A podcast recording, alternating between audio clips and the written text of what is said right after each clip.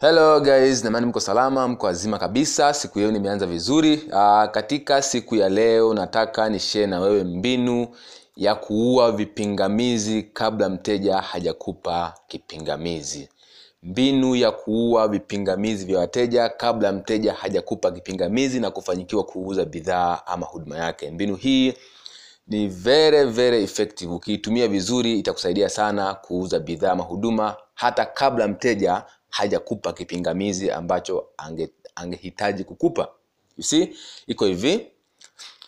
Endapo unaongea na mteja wako juu ya bidhaa ama huduma yako mwishoni kabisa kabla mteja hajaongea chochote unamwambia naomba nikwambie kitu kimoja.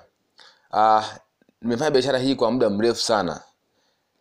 Mara nyingi mteja anaposema nitarudi kesho ngoja niongee na mke wangu Aa, nitakupigia baadaye. Bei yako ni kubwa sana. Majibu haya huwa yanamaanisha kwamba kuna kitu hajakielewa katika bidhaa ama huduma hii. Naomba kabla hujanipa majibu haya moja majibu haya naomba unaambie ni sehemu gani hujaielewa. Narudia tena. Kabla mteja hajaongea chochote mwishoni kabisa baada ya kumwambia kuhusu bidhaa ama huduma yako umemtajia faida e, vipengele vya bidhaa kila kitu kuhusu bidhaa huduma yako kabla mteja hajakupa jibu unamwambia hivi uh, nimekaa nimekaa nimekaa kwenye biashara hii kwa muda mrefu sana. Mara nyingi wateja wengi wanavyosema bei yako ni kubwa sana. Eh, ngoja niongee na mke wangu nitarudi kesho au nitakupigia baadaye.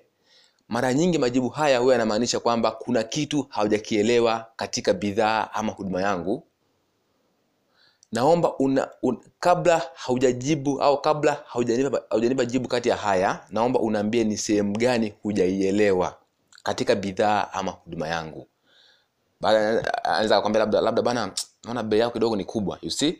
Kwa hiyo kumbe huyo mteja angekupa kipingamizi cha bei. Lakini kwa sababu umemuwai anakwambia moja kwa moja kwamba kuna katika bei kuna sehemu hajaielewa. Anaweza kwambia bana ah, naona kuna sehemu sijai sijai sijaelewa kidogo labda uh, labda bidhaa yako haifanyi kitu fulani you see?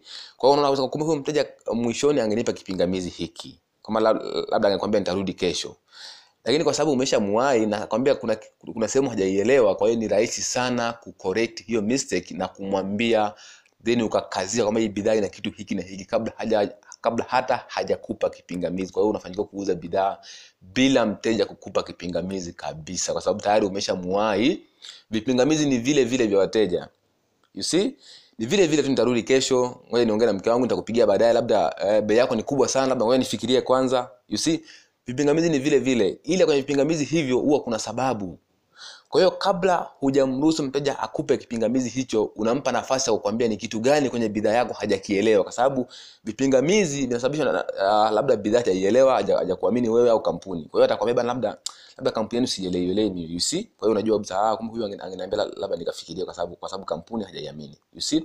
Kwa hiyo unapata nafasi ya kukikabili kipingamizi kabla hakijatokea narudia tena mara ya mwisho. Iko hivi.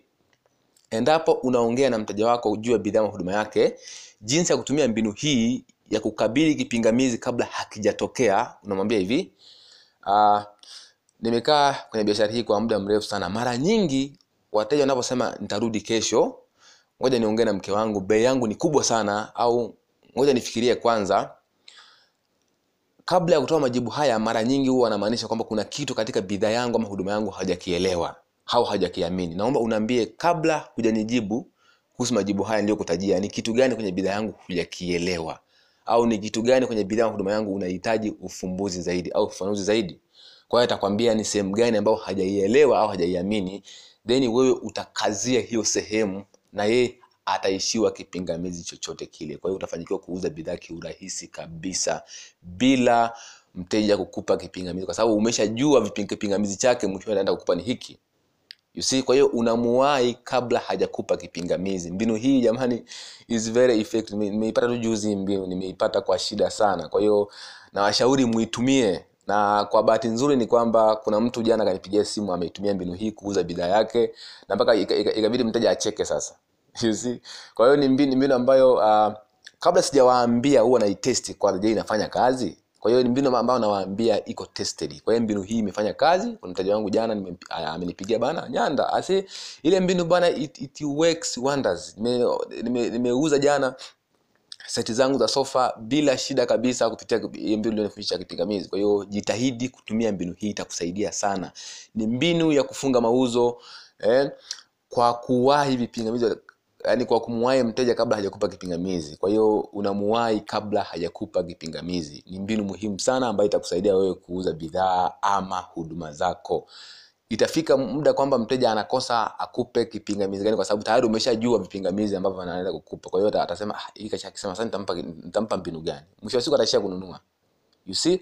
Kwa hiyo uh, wateja huwa wanapenda kununua vipingamizi havinaga ukweli wote nikamwambia uh, nikaongea na mke wangu haongei na mke wake kabisa. Nikamwambia ngoja nifikirie hata hafikirie. Nikamwambia bei yako ni kubwa which means kwamba sio kama hana uwezo wa kununua au hana pesa hapana. Which means kwamba hiyo bidhaa ndio imeonyesha au hiyo huduma ya, ya muda huo haiendani na bei ambayo umemtajia. Labda kwa sababu kuna kitu hujakigusa ndio maana ameona hajaona uthamani. Kwa hiyo akishakwambia kuna shida sehemu fulani basi kazi imeisha kwa jitahidi sana itakusaidia sana kuuza bidhaa huduma zako. Asanteni sana